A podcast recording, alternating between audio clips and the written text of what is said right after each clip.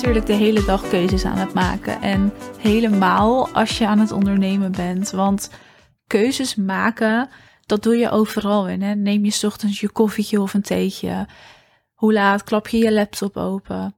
Wanneer plan je met iemand een call in? Ga je een podcast opnemen nu of doe je dat pas vanmiddag? Dus in die zin ben je de hele tijd keuzes aan het maken. Maar als ondernemer maak je ook hele belangrijke keuzes. En daarvoor mag je je bewust zijn dat keuzes maken een emotioneel proces is. En net als een salesproces, dat is ook een emotioneel proces, is keuzes maken dus ook een emotioneel proces wat intern in jou gebeurt en zich ontwikkelt. En de ene keer ben je door dat proces binnen een paar seconden heen, de andere keer misschien een paar minuten, de volgende keer een paar dagen of misschien zelfs een paar weken. Maar dat proces, de duur daarvan, dat verschilt natuurlijk per keuze. Hè? Waar gaat de keuze over? Hoe belangrijk is de keuze die je moet maken? En je bewust van zijn dat dit proces zich afspeelt in jou, is best wel interessant, omdat je dan, als je dus grote of belangrijke keuzes moet maken, daar ook even naar terug kan. Dat emotionele proces, dat verschilt natuurlijk per persoon hoe lang dat duurt en hoe dat exact gaat. Maar waar je daarvan uit mag gaan, is dat de keuzes voornamelijk gemaakt worden ook in je hart, hè, je intuïtie, in je onderbuikgevoel. En dat klinkt misschien een beetje zweverig voor je, maar dat is wel wat het is.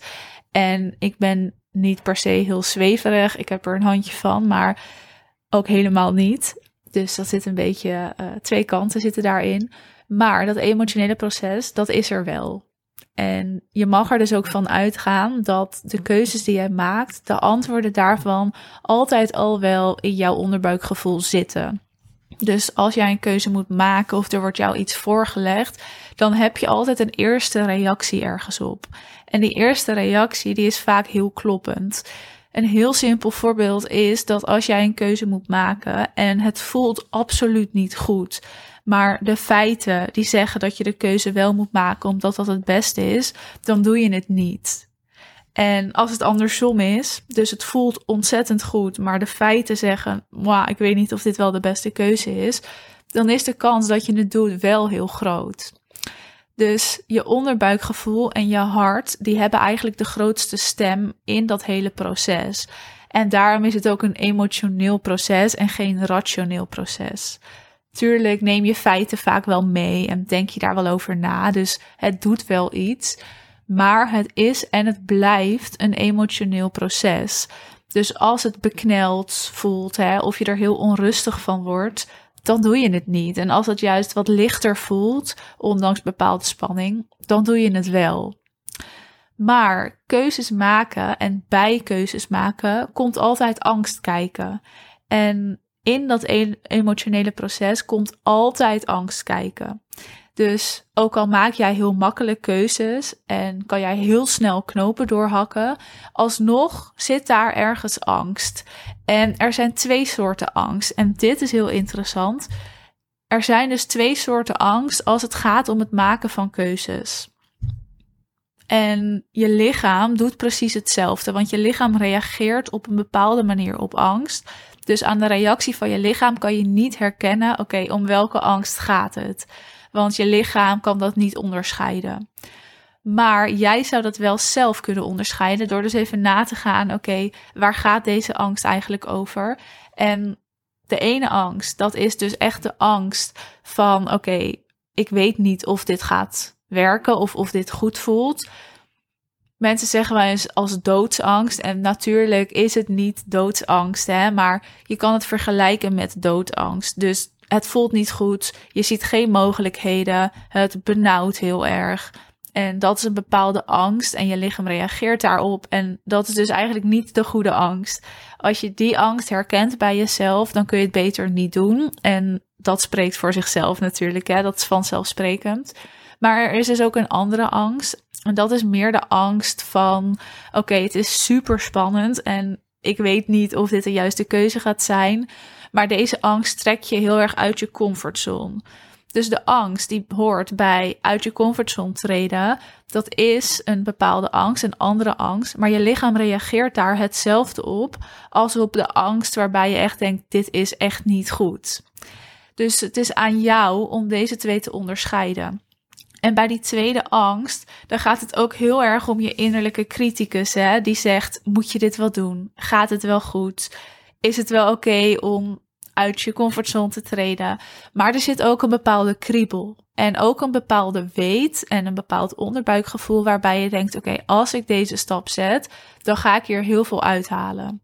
Dus als je heel veel spanning hebt, maar wel die kriebel hebt, dat is een goede angst. En dat vertelt je dus eigenlijk ook: oké, ik moet dit doen. Want als ik dit doe, dan weet ik dat ik uit mijn comfortzone getrokken word. Dat is oncomfortabel en dat wil jouw lichaam en jouw brein niet. Dus daarom roept die angst zich op, omdat jouw lichaam en jouw brein denkt: nee, we zijn nu veilig, dus we blijven hier.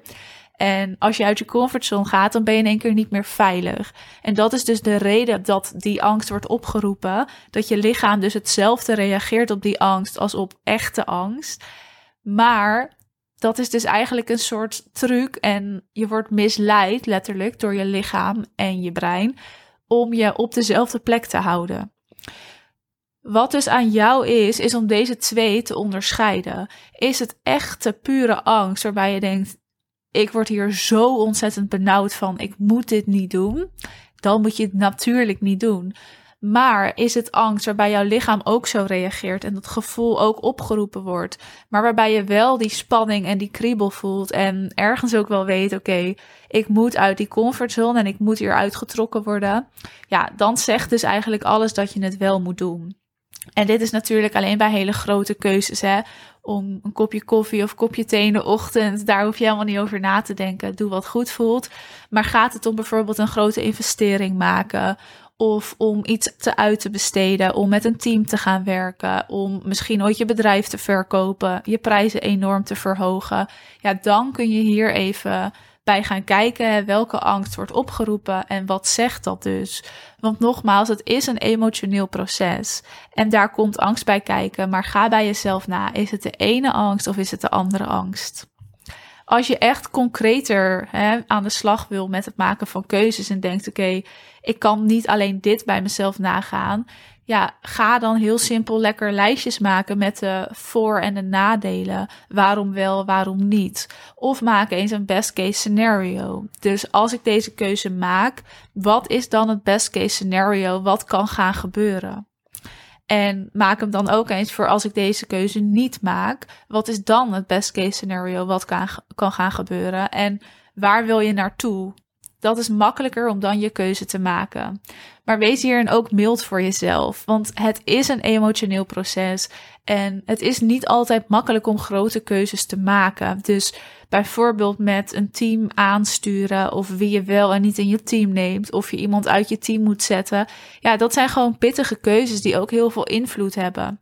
Dus geef jezelf de tijd. Maar geef jezelf ook niet te veel tijd. Dus stel gewoon een deadline voor jezelf. Dan maak ik de keuze en dan hak ik de knoop door. Waarom? Omdat je zo gaat zitten piekeren en gaat overdenken. En dit is ook de reden dat ik bijvoorbeeld, als iemand bij mij een call inplant ter kennismaking, niet iemand uh, twee weken laat nadenken voordat ik een definitief antwoord wil. Simpelweg omdat dat voor ons allebei niet helpend is. Dus wij hebben de call en daarna zitten er een paar dagen tussen en dan hebben we een vervolgcall. En dus niet anderhalve week of een week of twee weken puur omdat je anders gaat overdenken, gaat zitten piekeren, je jezelf weer klein houdt en je ook niet eerlijk en realistisch gaat kijken naar bijvoorbeeld die twee angsten. Dus dat kun je beter in wat kortere tijd gaan doen, zodat je gewoon de knoop kan doorhakken en jezelf dus ook dwingt tot het maken van een keuze en niet eindeloos gaat zitten nadenken, want echt je beperkt jezelf daar zo ontzettend mee. Goed, ja, keuzes maken is een emotioneel proces. Dus ik zou zeggen, heel veel succes met het maken van keuzes. En wil je een keer kletsen over de keuzes die jij moet maken, dan kun je natuurlijk altijd even DM'en. Maar wees mild voor jezelf. Maak lijstjes. Ga na waar komt de angst vandaan en zit het hem in de een of in de andere angst. Want het zijn verschillende soorten angsten, maar je lichaam reageert er hetzelfde op en hetzelfde gevoel wordt opgeroepen. Maar je kan het dus wel zelf herkennen. Dus moet je grote keuzes maken, ga dat dan zo doen. En ja, gun jezelf tijd en aan de andere kant weer niet te veel tijd. Lekkere nuance zit daar weer in. Goed, succes met keuzes maken en tot een volgende aflevering.